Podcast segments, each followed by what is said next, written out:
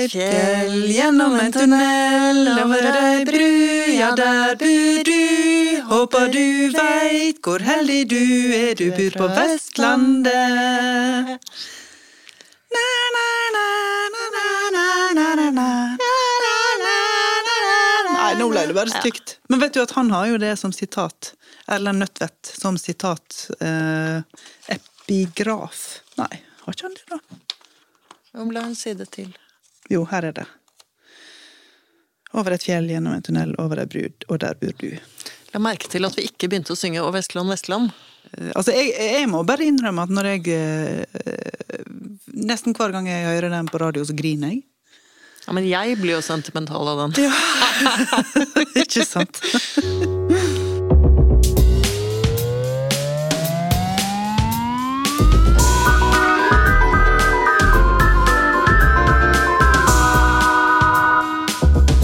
Velkommen til podkasten Olaug og Aubert.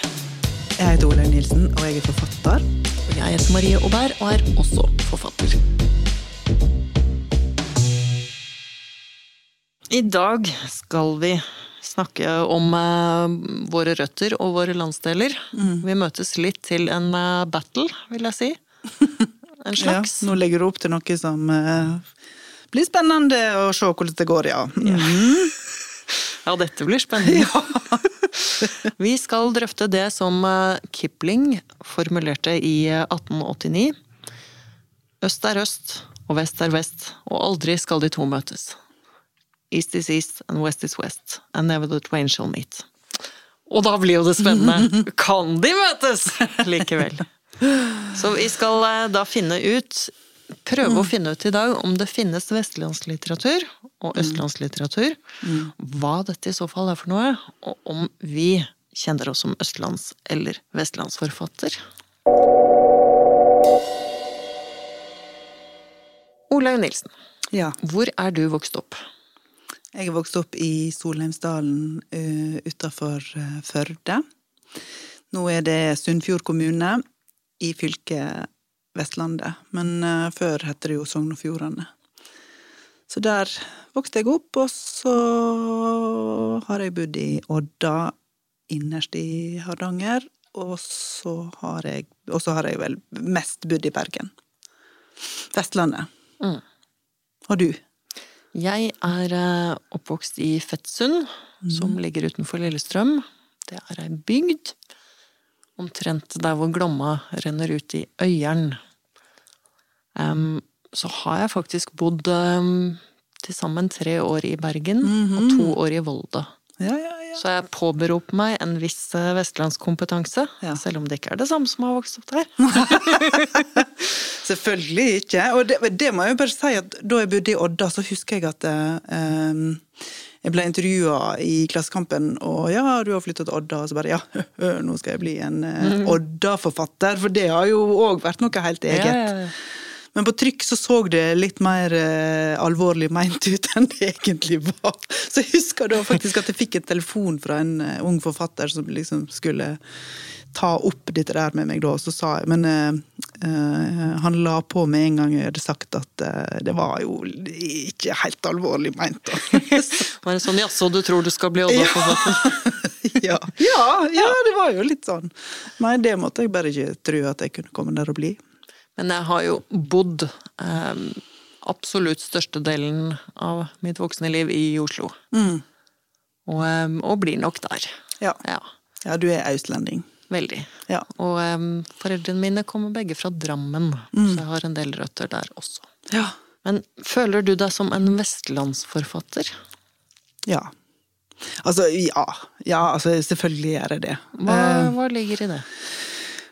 Jeg følte meg nok mer som det når jeg var yngre og når jeg var fersk forfatter, fordi at jeg identifiserte meg veldig sterkt med den tradisjonen, da. Altså vestlandsforfattertradisjon. Jeg eh, var inspirert av Ragnar Hovland, eh, som veldig mange er. Eh, og, og hadde jo lest mye litteratur fra Vestlandet, og ja, kjent meg igjen i det. likte stilen, likte tonen. Men føler du deg som en Altså, du er østlending, sant, og jeg er vestlending, åpenbart, men føler du deg som en østlandsforfatter? Fins det, eller Nei, føler jeg- du deg som det? Nei, jeg gjør jo egentlig ikke det. Det um, har eh, reflektert lite over eh, om jeg har en østlandsidentitet som forfatter. For det er jo mer noe som bare ligger der. Som jeg ikke på samme måte som deg eh, tenker at det er en tradisjon som jeg nå går inn i, da, på en måte. Vi skal sikkert innom mange fordommer mot både østlendinger og vestlendinger i løpet av denne podkasten. Det er veldig deilig å bare kunne fordype seg i sine egne fordommer. Med sånn befriende og uforpliktende. Men eh, hvis vi skal begynne, hva er, eh, hva er dine fordommer mot østlendinger? Ja, altså eh, Hvis du skal karikere hva du tenker om østlendinger.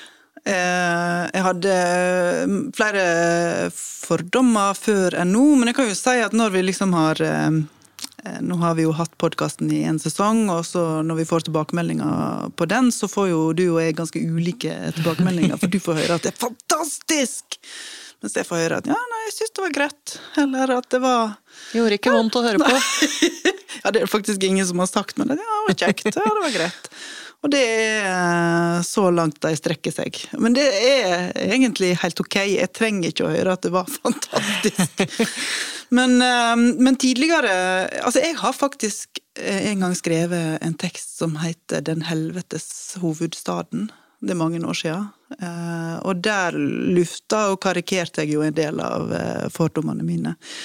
Og det er jo sånn der Det går jo mye på eh, altså at en, en tenker at eh, østlendingene er overfladiske og, og mindre dyptpløyende og mer eh, sånn Altså falsk syns jeg er feil ord, men høflig på en sånn måte at det føles litt eh, rart eller flaut, da. sant? Jeg tror det er heller det enn at det føles falskt. Og så, og, og så tror jeg, og der ligger nok noe av den der underlegenhetsfølelsen fra gammelt av, eh, som eksempel kommer til uttrykk i Bondestudenter. sant? Altså At Daniel Braut ikke helt tror på seg sjøl med den der studenthatten på hodet fordi at det ser feil ut. At en en veit ikke reglene, sant. Eh, en er En kommer fra noe bondsk og, og utafor og, og, eh, og skal inn i noe akademisk Altså at det ligger kanskje mer der enn egentlig hos østlendingen og vestlendingen. Um, ja, at en føler at en ikke Altså ikke, ikke, ikke slipper helt inn, da. Jeg diskuterte jo dette med en vestlending bekjent. Mm. eh, Hvor vi snakka om eh, graden av eh, å smalltalke, for eksempel. Og småsnakke. Mm. Ja, ja. Hvor, eh, hvor jeg sa at eh, men eh, vi som kommer fra Oslo, vi blir jo litt usikre hvis eh, folk fra andre landsdeler er veldig tause. Ja. Da begynner vi å lure på om vi har sagt noe galt, eller eh, om, eh, om de ikke liker oss, eller hvis den andre bare, bare er taus. Ja. Og da svarte hun at nei, men vi tenker jo at dere østlendinger må være litt dumme med all denne smalltalken. At dere bare skal skravle. Det går fint an å sitte ved siden av hverandre og være stille, ikke sant? I timevis. I timevis. Det gjør det. Ja, ja, ja. Men, eh, men jeg vil jo si for min egen del at jeg har blitt veldig masse bedre på smalltalk eh, ettersom åra har gått. Syns du er kjempeflink, Eh. Ja. ja, og du er ganske flink til å være stille òg. La du merke til at jeg bare var stille nå ikke sa takk? Ja. Det var rett. Rett måte å gjøre det på.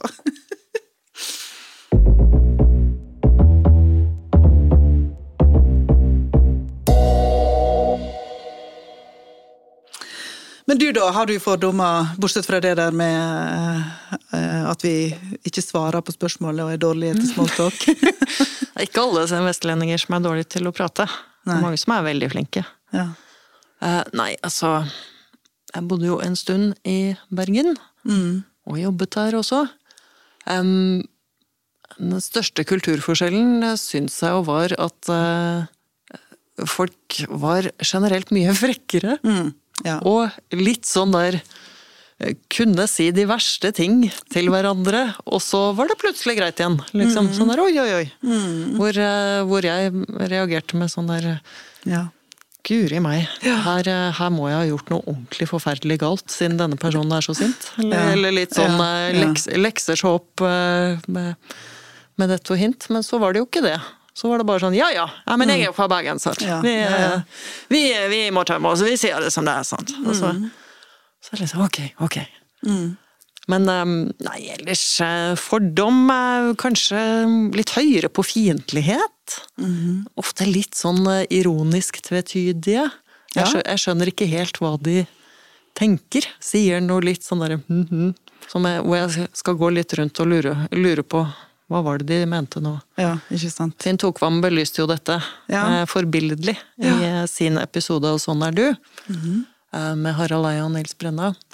Hvor han sa at denne underfundigheten som eh, vestlendinger eh, ofte benytter seg av, eller den der ironien, det, det mente han eh, egentlig var en litt sånn nå skal vi forvirre Ja, ja, ja. vestlendingene.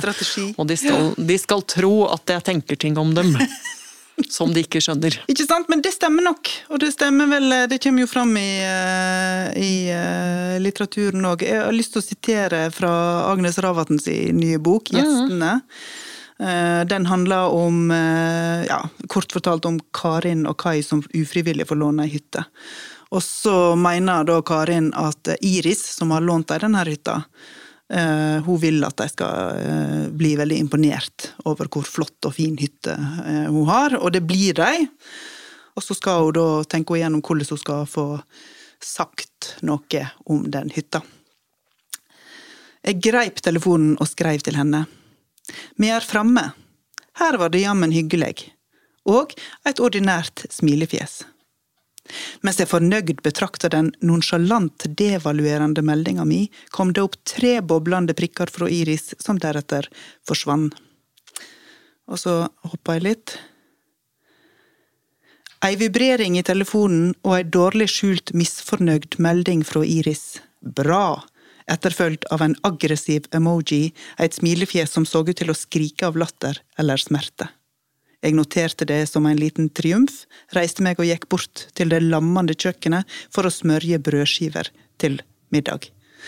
Og her er jo det der med brødskiver til middag òg et poeng. Fordi at uh, det her er ei så flott og luksuriøs snøhetta hytte. At det at de kommer med sine brødskiver og sitt sprutesyltetøy, det føles jo som en sånn utrolig pinlig og, og, og liten ting. En altfor liten ting for det der eh, fantastiske kjøkkenet. Og det tenker du er en sånn Vestland møter Østland? Ja, altså fordi at jeg altså, Selvfølgelig det, det altså, Hovedgrunnen til at jeg tok det sitatet nå, var jo det du sa om at en, en sitter og pønsker ut hvordan en skal få folk til å føle seg usikre. Og det gjør jo hun åpenbart her, ikke sant. Altså, hun, hun, hun med vilje sender en melding som hun skjønner vil bli tatt ille opp. Um, men òg uh, at det kommer av en sånn der uh, følelse av ulikhet, ikke sant? Ikke nødvendigvis av uh, mindreverdighet, men, men likevel av ulikhet og um, og, og, og kanskje fiendtlighet òg er feil ord, egentlig, men, men ja, nei, en grunnleggende ulikhet som en ikke veit helt hvordan en skal hanskes med og bygge bru over, da. Men det er kanskje en ulikhet som da jeg har inntrykk av at vestlendinger forholder seg mye mer til, eller mm. opponerer mot, eller eh, Ja, iallfall i. litteraturen, og iallfall eh, Altså, kanskje ikke så masse nå, syns jeg, men tidligere var det var det jo en veldig sterk tradisjon for denne typen eh, underfundighet. Og den underfundigheten som, eh, som Finn Tokvam beskriver der, har han jo sjøl vært representant for både i, eh, som journalist og som eh, moromann og som forfatter. Han skrev ei bok som heter Tyl, i lag med Halvor Folgerød. Eh, og der hadde ikke, nevnte ikke han den òg i, i den podkasten? Jo. Men det er vel noen uh, østlandsforfattere som òg har forholdt seg til den ulikheten? Ja. Eh, Jeg tok med et sitat fra Jens Johanssons eh, lavterskeltilbud, hvor eh, vi får eh, fordommene sett fra den andre siden. Det er da hovedpersonens sinte kone Iris, som heter også Iris. Kanskje det er den samme Iris? Det er nok den samme. Men de bor på Grünerløkka i Oslo, og hun raser over vestlendinger som flytter til Oslo. Eh, Men som hun da sier, sitat, fortsatt slipper vestlendingene unna med å skrive om Oslo-bygda, om arrogansen de møter her. Ta hun naboen under, vestlending. Hva var det hun sa da vi stoppet og hilste på henne? At det var ingen i Oslo som stoppet og hilste. Men hun har faen ikke hilst noen gang etter sju år i oppgangen. Uansett hva som skjer, kan de fortsette å påberope seg et utenforskap og skrive om sin egen eksilskjebne, selv om de de facto er faste helgespaltister i landets største aviser. Så ja, nei. eh, Jeg jobba jo i eh, noen eh, aviser som på slutten av 2000-tallet. Da var jeg journalist. Og jeg kan jo ikke huske at jeg i Aftenposten eller Dagsavisen lagde en litt sånn 'nå sparker vi mot Bergen' Nei, nei. eller Stavanger-sak der. der. Men i BT husker jeg at vi hadde en førsteside på 'Oslo-lege ler av Haukeland'. Eh, Jeg, kjenner jo at jeg blir eh, litt eh, provosert av Jens Johansen-sitatet der, selv om det, det er jo Men det er nok både fordi at jeg føler meg litt treft av det, og fordi at jeg fremdeles syns at det er sant at vi fra Vestlandet er underdogs, og at Ja. Men, men i, altså, for min egen del Når jeg var ung forfatter og fikk tilbud om å eh, skrive i hovedstadsaviser, så var jo det med under forutsetning av at jeg skulle skrive på bokmål. Ehm, det skjedde. Og det har jo vært sånn i flere aviser som, det. som skal nå ut nasjonalt, at eh, du får, da får ikke du skrive eh, på nynorsk. Og, ehm, og den der eh, følelsen av at eh, mitt språk blir devaluert, har jeg kjent på mange ganger. Ja, ikke- den skjønner jeg godt. Ja, eh, og, og, og så er jo nynorsken veldig sterkt knytta til, for meg iallfall, til vestlandsk, vestlandsidentiteten, selv om språket blir jo brukt av folk fra andre landsdeler òg. så særlig der kjenner jeg at det er jo en reell urettferdighet, og, og om jeg ikke skal bruke ordet undertrykking, så er det jo eh, ja, jeg, jeg syns, som Jon Fosse har sagt, at det er nedverdigende at det blir stilt spørsmål om det språket som jeg bruker, og om det virkelig er sånn at jeg skal bruke det. Og jeg husker jo at som barn så syntes mine danske slektninger at det var rart at vi snakket dialekt. uh, altså, hvorfor hadde ikke pappa som er østlending lært oss å snakke skikkelig? Um, og at uh, han som kommer fra Halden, uh, fikk ikke lov å snakke Halden-dialekt hjemme. Um, og så veit vi jo at uh, før så var det sånn at folk fra Nord-Norge når de skulle Altså det var ikke ønska Altså folk skrev spes spesifisert i annonser for når de leide ut hybel at de ville ikke ha nordlendinger. Um, og, eh, og så, Vi har jo snakka om bondestudenter før, og Daniel Braut som eh, prøvde å passe inn med å kalle seg for Sørbrøt istedenfor mm. istedenfor Braut. Eh, Men det fikk jo han påpakning for, for da hadde han jo noen eh, altså Da studerte han jo sammen, etter hvert sammen med noen eh, vestlendinger som og, og nynorskfolk som, som sto for sin identitet og, Ja. og, og var stolte av sin motkultur. Altså For min egen del, sånn som det er nå, så, så går det jo helt fint for meg å være fra Vestlandet og skrive på nynorsk. Det er jo, jeg slipper jo til. Eh, Jeg får skrive Jeg har hatt eh, på trykk ting i både Aftenposten og Dagbladet på nynorsk, og jeg tenker ikke over det som en problemstilling lenger. Men eh, unge folk gjør jo fremdeles det. Og unge folk som bor på bygda, kan jo fremdeles kjenne på et sånt utenforskap og føle seg som ytringer. Det var et begrep vi brukte, ytringer. Og så har du jo det samme med Bergen og, og bygdene rundt, at de som er rundt, de er strila, mens de som er i Bergen, de er, de er Byfolk. byfolk. Så det der, dette handler jo om sentrum og periferi, ikke Ja. sant? Og det å Uh, Og det er jo Jens Johannessen Nei, Jens Johannessen Jo- Johansen. Jo, Johansen. Jens Johansen, han er jo inne på det i det der sitatet. Ja. Uh, ja. Og Jens Johansson er jo inne på det i, i det sitatet, ikke sant? Altså at eh, her kommer de og bare fortsetter å klage, selv om de eh, får foten innafor etablissementet. Og det tenker jo jeg om meg sjøl. Jeg kan ikke klage lenger. Men jeg kan jo anerkjenne at eh, det fremdeles finnes eh, vestlendinger og bygdefolk og nynorskfolk som trenger å streve ekstra for å komme på innsida. Og føle seg som noen som har definisjonsmakt. Mm. ikke sant? Så det er jo, jeg tror det, jeg tror det, jo det først og fremst er det det handler om. Men uh, Frode Helmik Pedersen, som er litteraturkritiker fra Bergen, han sa jo i eller annen podkast nylig at Bergen har ikke et lillebrorkompleks. Bergen har et storebrorkompleks! Og vi vet egentlig at vi er storebroren. Det er bare ingen andre som anerkjenner det. Man bare parafraserer jeg litt, da. Ja, ja. Og det er det inntrykket jeg også av og til Ja, av får. bergensere? Ja, jo da. Eh, Men, men det, du, det du sier om liksom den eh, underfundige eh, vestlendingen, og det underfundige som et slags maktgrep, da, eller som et eh, grep for å gjøre andre usikre ja, det, jeg, jeg tror jo at det Ville stemmer. Ville ha notert at det er Finn Tokvam som sa Ja, det. Finn Tokvam. Det var han som sa det. Og det stemmer. Altså, jeg, jeg, er jo, altså, jeg tenker jo at det stemmer. Ja.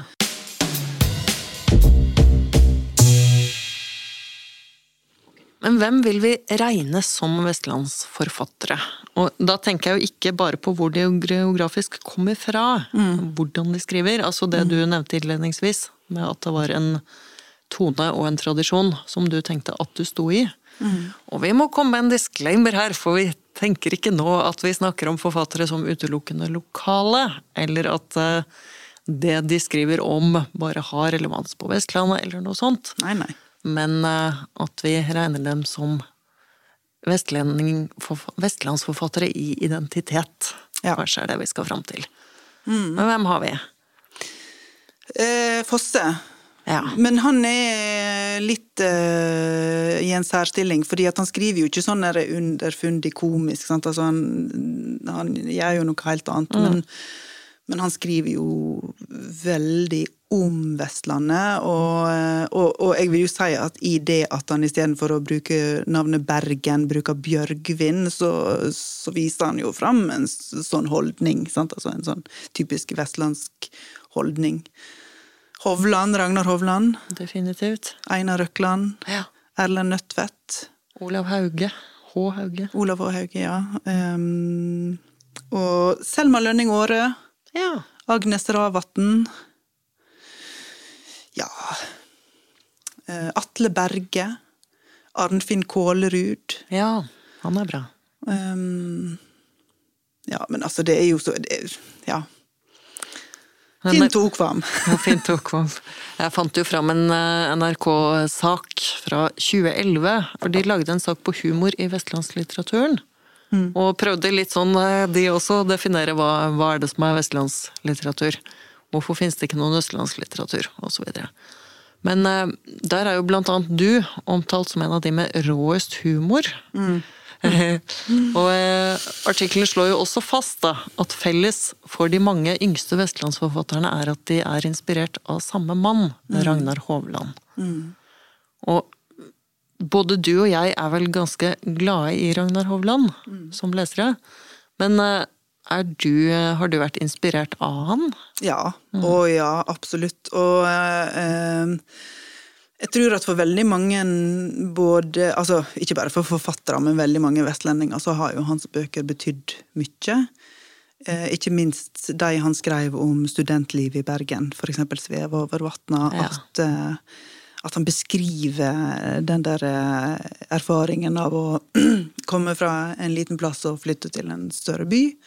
Og så har han en sånn liketilhet og humor og underfundighet, som vi sikkert skal innom flere ganger i dag, som eh, ja, som føles befriende og gjenkjennelig og uh, avvæpnende. Så um, ja, nei, helt klart ja, jeg har vært inspirert av han. Det var jo på en måte mitt Altså, men, men jeg vil òg si Erlend Lo, for jeg syns egentlig at Erlend Ja. Lo òg har litt den eh, skrivestilen. Og at den samme innflytelsen tror jeg også på Ja. ganske mange yngre forfattere Ja. fra, fra da han debuterte. Og, og at uh, han òg sannsynligvis hadde Eller ja, ja, det får han jo svare for sjøl, men også at han òg kan jo settes uh, som en Ragnar Hovland-elev. Han kan leses som en Ragnar Hovland-elev, ja, vil jeg si. Jeg var jo inne på Finn Tokvam her i stad, som uh, har skrevet Tyl sammen med Halvor Folgerød. Og han jo en, forteller jo i den her samme artikkelen at han var jo så fan av Ragnar Hovland at det var jo nesten et sånt problem mm. han skulle skrive. For, og Ragnar Hovland selv var konsulent på boka. Og det ble sånn fullkomment absurd da Ragnar Hovland selv mente at boka var litt for hovlandsk. Ja. da snakker vi om en uh, mann med stor påvirkningskraft, ja, tenker jeg. Og vet du hva, jeg husker når jeg fikk konsulentuttalelse på mitt første manus til uh, Samlaget, så Eh, I den første konsulentuttalelsen så sto det at eh, det var minnet om Ragnar Hovland. Mm. Og så fikk jeg en til eh, som var skrevet av Ragnar Hovland, og der sto det ja, det kan minne om Hovland, men jeg vil også legge til Britt Bildøen. Og da skjønte jeg, eller fikk vite seinere, at den første konsulentuttalelsen var skrevet av Britt Bildøen. Nei, det er gøy.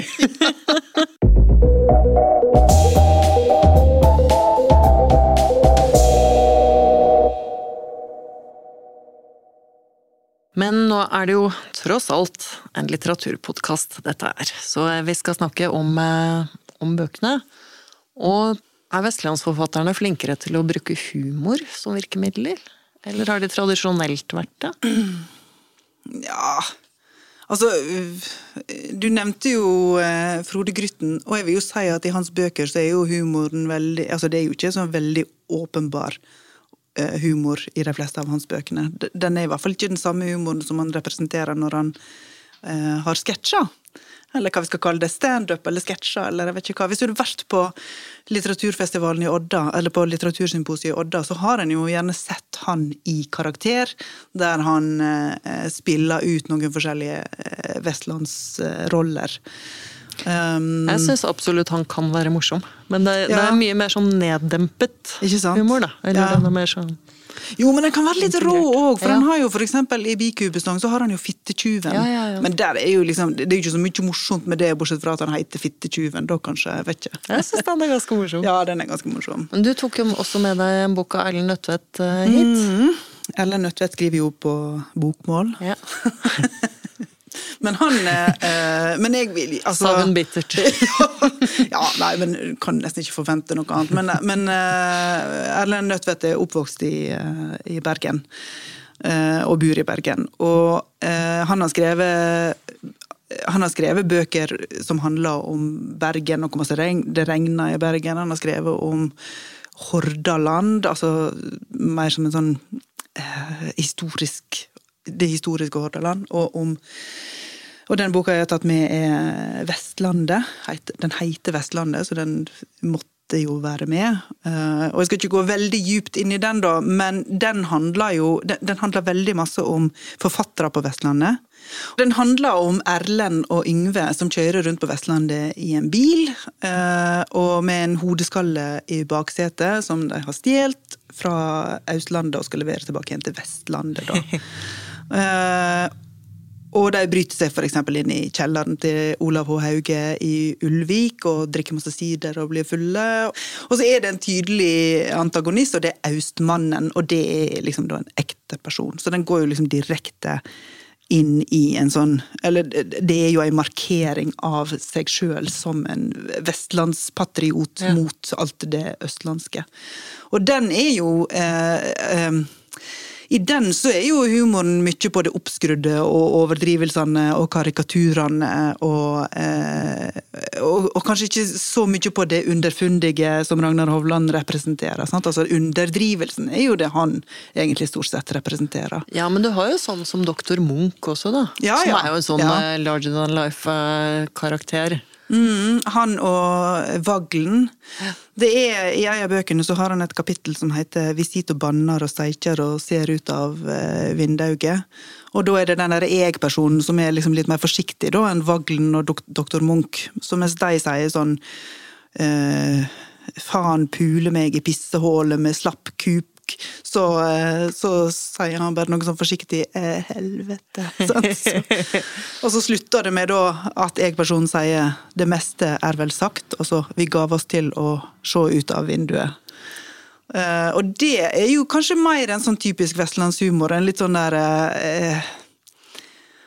Litt det du var inne på i stad, at du vet, skjønner liksom ikke helt hva som er morsomt med det, men du skjønner at det er noe rart som du kan le Ja, av. ja, ja.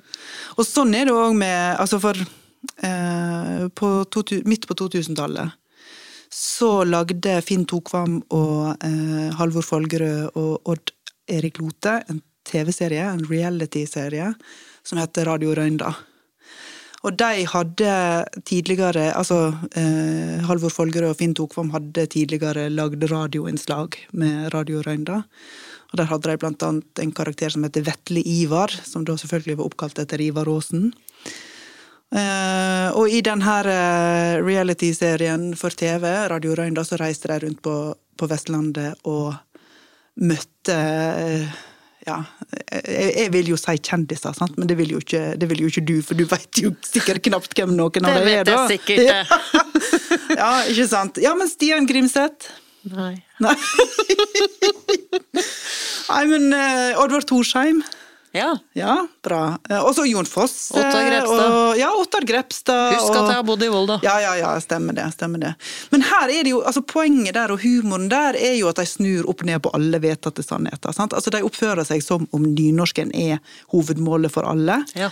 Altså Der, eh, der østlendinger vil eh, si sidemål og mene nynorsk, eller eh, så er det liksom Altså, når jeg sier sidemål, så veit jeg at veldig mange andre mener nynorsk, mens jeg egentlig mener bokmål, da, ikke sant? Men, men i Radio Røynda så, så er sidemål helt konsekvent, det er bokmål. En sidemålsforfatter, sant? Så Det er jo som eh, Egalias døtre etter Geir Ja. Brandenberg. Ja. Språket blir snudd om eh, Ja, sånn fra å være mannsinfluert til å bli kvinneinfluert. Mm, ja, men det er jo samme type eh, Altså eh, overdrivelse eller underdrivelse. Altså den typen humor. Og så er det òg da når de for eksempel altså, eh, Når de intervjuer Ragnar Hovland, og eh, så sier han jo nesten ingenting i intervjuet. Sant? Altså han bare Ja eh, Jeg syns det er for mye prat. og, eh, og så Nei, han ville heller ha sånn derre eh, Han ville ha radioteater, eh, altså stumfilm, som, eh, som radiosending. det ville vært perfekt, syns han. da. Ja. Og da sier da Finn Tokam som intervjuer han, ja ja, men vi kan ha litt fjordutsikt. Og så vender de kameraet mot fjorden, og så ser vi bare mot fjorden litt for lenge, ikke sant? Og så tilbake igjen til dem. Ja, dette var fint, men kanskje vi ikke skulle hatt lyd heller. Så trekker de ut lyden, og så tilbake igjen til fjorden, og så bare ser du lenge på fjorden. Og når jeg ser det, og jeg så det på nytt igjen nå, og det er jo nesten 20 år gammelt, men jeg ler, og så jeg skratter. Men jeg tror ikke at alle vil synes at det er morsomt. Men det er en sånn der innforståtthet i eh, de der eh, Altså i de nynorske tropene, da, kan Ja. du si. Sant? Altså At dette her er det vi liker. Sant? Disse her tinga kjenner vi igjen. Dette er våre knagger. Eh, og, da, og så reiser de jo òg til Åsentunet, som er et sånt eh, museum over Ivar Aasens eh, liv og lagnad. Og der er Ottar Grepstad, som du altså veit hvem er. Som er brakt på banen. Ja, og han var direktør for Åsentunet i mange, mange år. Og da er det ei spalte som heter Ting i tunet. og så viser han da for eksempel altså, Så ser vi da en hatt. Og så ser vi Ottar Grepstad sin hanskekledde hand. Han har altså en hvit hanske på, for han skal ikke skitne til den der hatten. Så peker han på hatten. Dette er Ivar Aasens hatt. Ja, du ler, og det er deilig. For jeg dør jo nesten av latter av disse tingene der, fordi at det er så eh, fordi at mange av oss som er vokst opp på Vestlandet, vi har jo òg vokst opp med målrørsla. sant? Altså, og vi, vi Som vi har vel kanskje litt sånn elsk-hat-forhold til i tillegg. Ja, Norske Barneblad. Norsk barneblad, ja. Og du las jo sikkert det fordi du hadde foreldre som syntes at du skulle lære litt nynorsk. Nei, jeg tror ikke jeg leste det, faktisk. Men jeg hadde, hadde mange barnebøker på nynorsk. Det hadde jeg jo selvfølgelig. Men altså, den der, det der å spille på eh, sin egen uh, underdog-het, hvis du kan si det, Ja. på, som det heter på nynorsk, som er jo noe som folk ofte sier når de skal Under, underhund eh, Underhund, ja. Eller bare en hund. Å, Å, nice! Men det å spille på det, da, sant? Altså, det er en type humor som folk liker, og folk gjør det fremdeles. Der tenker jeg at for eksempel An- eh, Anfinn Kålerud er en forfatter som fremdeles uh, gjør det. Eh, Atle Berge, som i sin eh, siste bok, eh, som heter 'Diskursteori for barn og fulle folk', eh, der heter jo hovedpersonen, hovedpersonene Arne og Hulda, ikke sant? Arne og Hulda Garborg, for uinnvidde. Eh, og, og, og i den boka òg så blir det en del sånn at en spiller på motsetningen mellom øst og vest. For Arne, ikke Garborg, men Arne i den boka, han er jordfar. Og så vitser han om de nyfødte barna som han tar imot, men da får han veldig kjeft fra sin uh, sjef, øst, østlandske sjef, som ikke syns at det passer seg, da. Ja.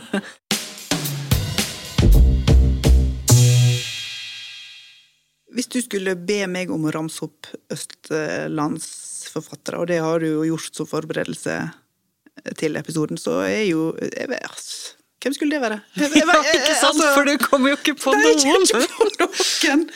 Men hva, Triste men- greier. Ja, det jo men, men det eh, er jo også litt med Det, det snakkes jo ikke om en eh, østlandsidentitet på samme måten som Nei. det snakkes om, eh, sånn som du forteller nå, om Mm. en vestlandsidentitet. Det er ikke så knytta til f.eks. eh, den språklige identiteten, eller å spille på sin egen eh, underfundighet, Mm, mm. sånn som du forklarer der. Nei. Men eh, det er jo sikkert litt det der om hvem som har hatt definisjonsmakt, da. Ja, ja. Og at den som eh, ikke har det, markerer eh, liksom på en annen måte, og Mm. definerer seg. Ja. Men, eh, men jeg er jo faktisk helt uenig i at det ikke finnes østlandslitteratur. Men, og, hva- eh, ja, nei, men hva er det, da? hvem er østlandsforfatterne? Nei, altså jeg tenker jo sånn eh, altså, Første jeg tenkte var jo selvfølgelig Alf Prøysen. Ja. Og for det syns jeg jo er sånn helt, helt spesifikk Ringsaker-traktene. Eh, Knytta til en sånn måte å snakke sammen på, formulere seg på. Ja. Eh, Per Petterson leser jeg jo i stor grad eh, som østlandsforfatter, østlandsforfatter, eller fordi jeg kjenner så veldig igjen det landskapet han ofte beskriver. Da. Det er jo fordi det er fra de traktene jeg er vokst opp. ja. Så um, i Ut hester så handler det jo ganske mye om tømmerfløting, for eksempel. Og um, det, er, uh, det er helt spesifikt for Fettsund. Ja, eh, som er min hjembygd. hjembygd. Vi har en fløterhake i kommunevåpenet. Det vil si, nå er kommunen slått sammen med Lillestrøm, og det syns jeg jo er eh, en sorg. Ja, ja, nei, men det står det godt. Jeg likte da det het Fett kommune. Ja. Åh. Men eh, Per Pettersons eh, personer er jo ofte fra Romerike og omegn. Han skriver jo fra eh, Aurskog, eh, tror jeg det er også, i midt Abruzzo. Det er der han bor. Akkurat. Um, og det er, eh, det er veldig det landskapet jeg er vokst opp i. Det er liksom eh, elva og mye himmel. Det er veldig sånn vidstrakt. Ja. Så jeg ser det godt. Og måten å snakke på. Og, eh, og så tenkte jeg på Kyrre Andreassen. Um, og så um, Han er fra Rødberg i uh, Nore og Uvdal, som ligger uh, oppe i det som før var Buskerud. Ja.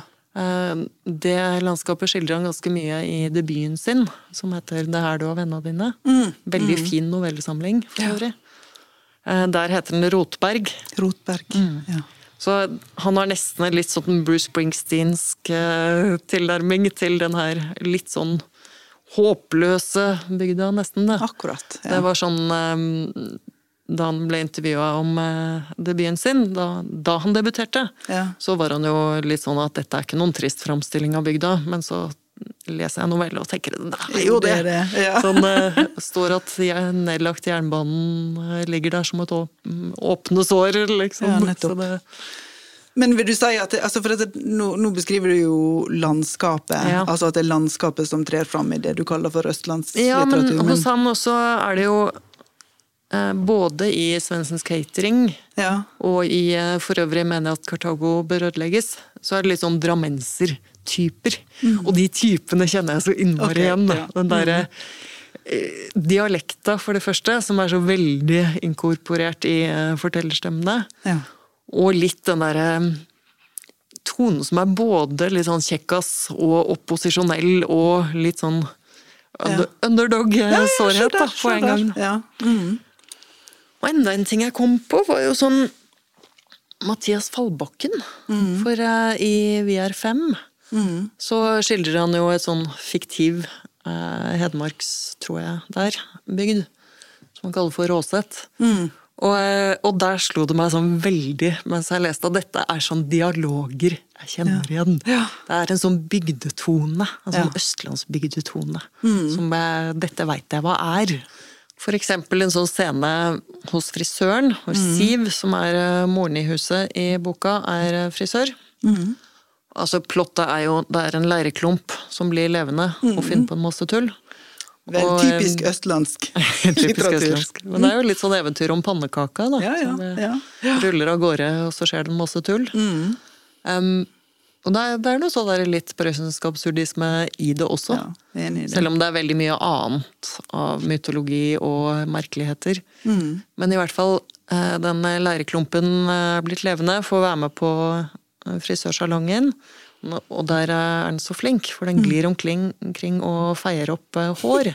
Mm. Den eh, Ja, det, det blir mye å forklare for folk som ikke har lest, men den lever jo rett og slett av hår da, og keratin. Ja. Men da sitter de der som eh, jobber i frisørsalongen og ser på den, og så er det litt sånn Er dette for en kropp, da?! Har du sett da? Hvor mye tar denne i timen, da?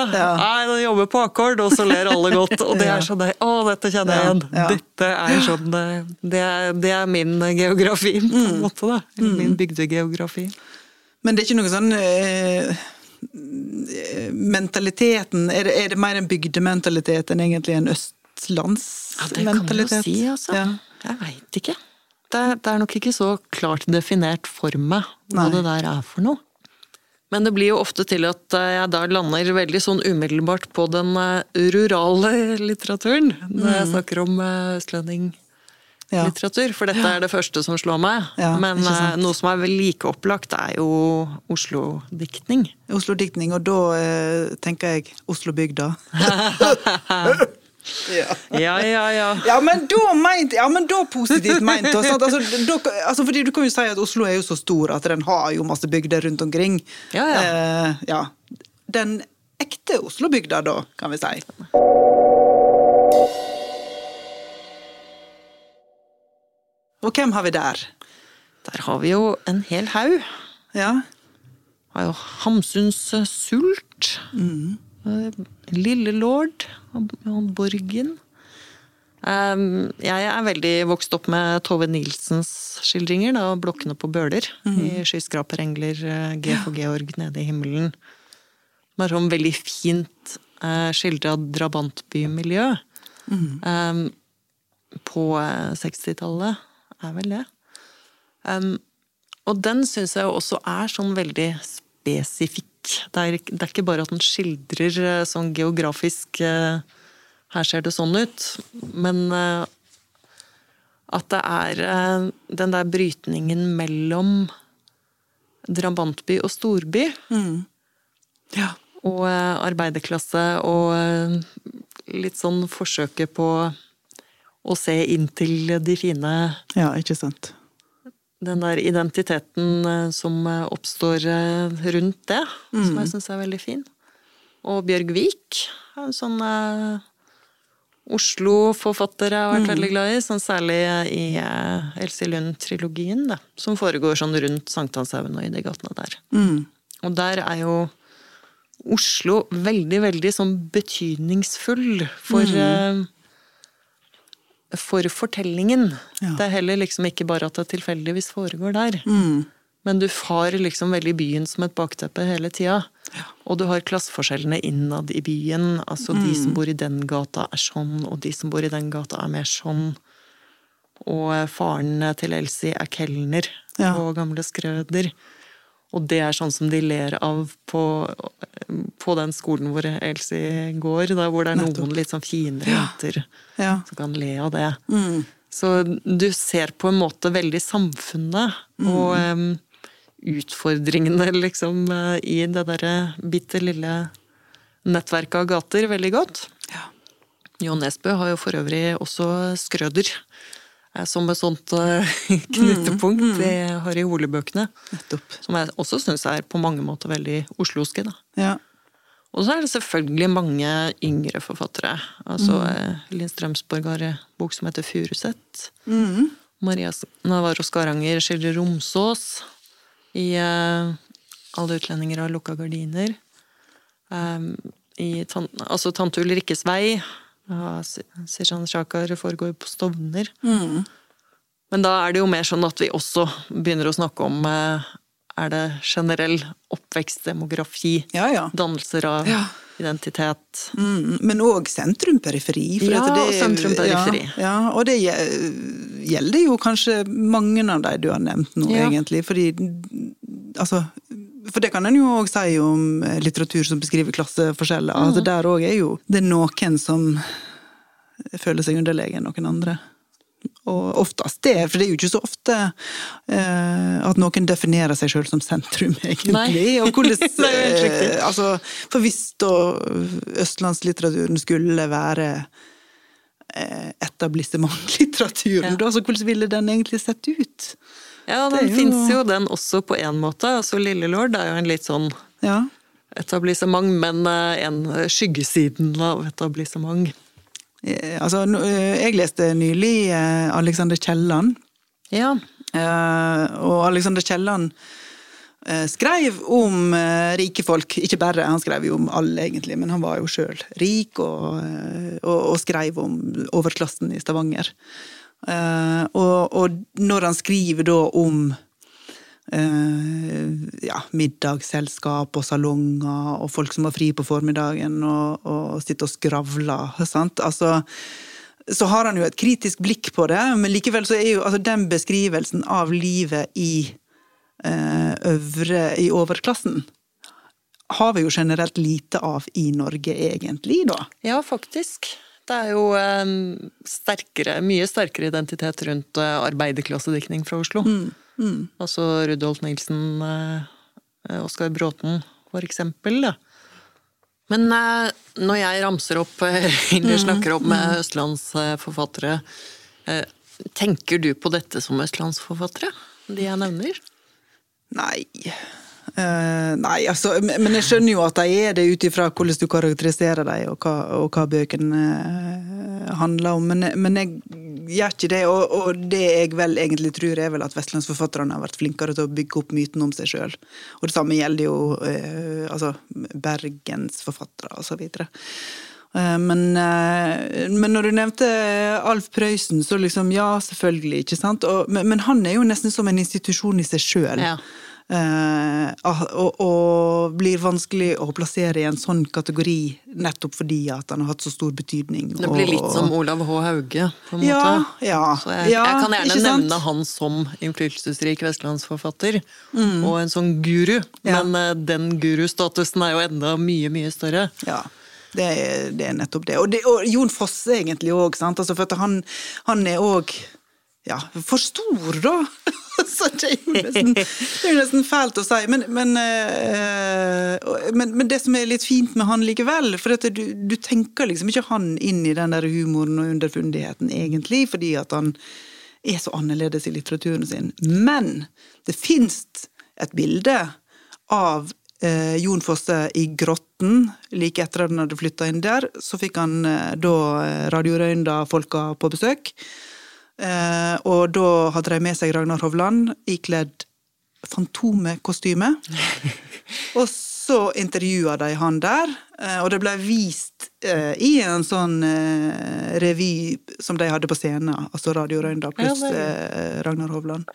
Og det var jo da selvfølgelig fordi at eh, Fantomet har jo hodeskallegrotten, og eh, Jon Foss satt i grotten. Så det kunne han være med på, det tror jeg. ja, ja. Garantert at han syntes det var gøy òg. Men det er liksom litt out of character, eh, Jon Fosse, Ja. syns jeg. Men altså, jeg syns jo ingen forfattere vi snakker om her, bare for å presisere det, Mm. verken i øst eller vest, er sånn begrenset til å være en, en østlandsforfatter eller Ja. Mm. vestlandsforfatter. Altså, de, ingen skriver kun om eh, Vestland eller kun om Østland. Alt er bøker som eh, handler eh, om svært mye annet enn hvor man har vokst opp. Ja. Så jeg tenker jo det vi heller prøver å definere, er sånn den, Eksisterer den identiteten? Sånn. Eksisterer det en identitet knytta til østlandslitteratur, eller gjør det ikke det? måte? Og jeg tror ikke den er like tydelig. Nei. Men jeg mener at eh, det finnes. Og eh, at det går an å se liksom eh, eh, spor av en sånn eh, forankring. Mm. I hvert fall sånn som jeg ser det. Ja. Men det fins jo også forfattere som både leker litt med østlands- og vestlandsidentiteten. Mm. Syns jo Agnes Ravatn har gjort det, for ja eksempel. da. Mm. Men nå er hun jo forankret litt mer i Vestland. Ja, nå bor hun jo i Valevåg, eh, nabo med Einar Økland. Ja, da har man det gående. Da har man det gående. Ja. Men Ruth Lillegraven, i den eh, krimboka som heter Alt er mitt, Mm. så har hun jo eh, to sånn hovedfortellerstemmer. Hvor den ene er Klara, som er statssekretær, og Klara er vestlending. ja. Fra, og har landskap med mye Fjell og fjord. fjord og fjell. Ja. og, hvor, eh, og hvor fjord har eh, direkte betydning. Da. Dette sier jeg jo ikke bare som en sånn Dere tenker bare på fjell og fjord, klisjé. nei, nei. Men eh, den biten er skrevet på nynorsk, og så har hun også Håvard, som er fin, gammel Oslo Vest-slekt, som Ja. er Klaras ektemann.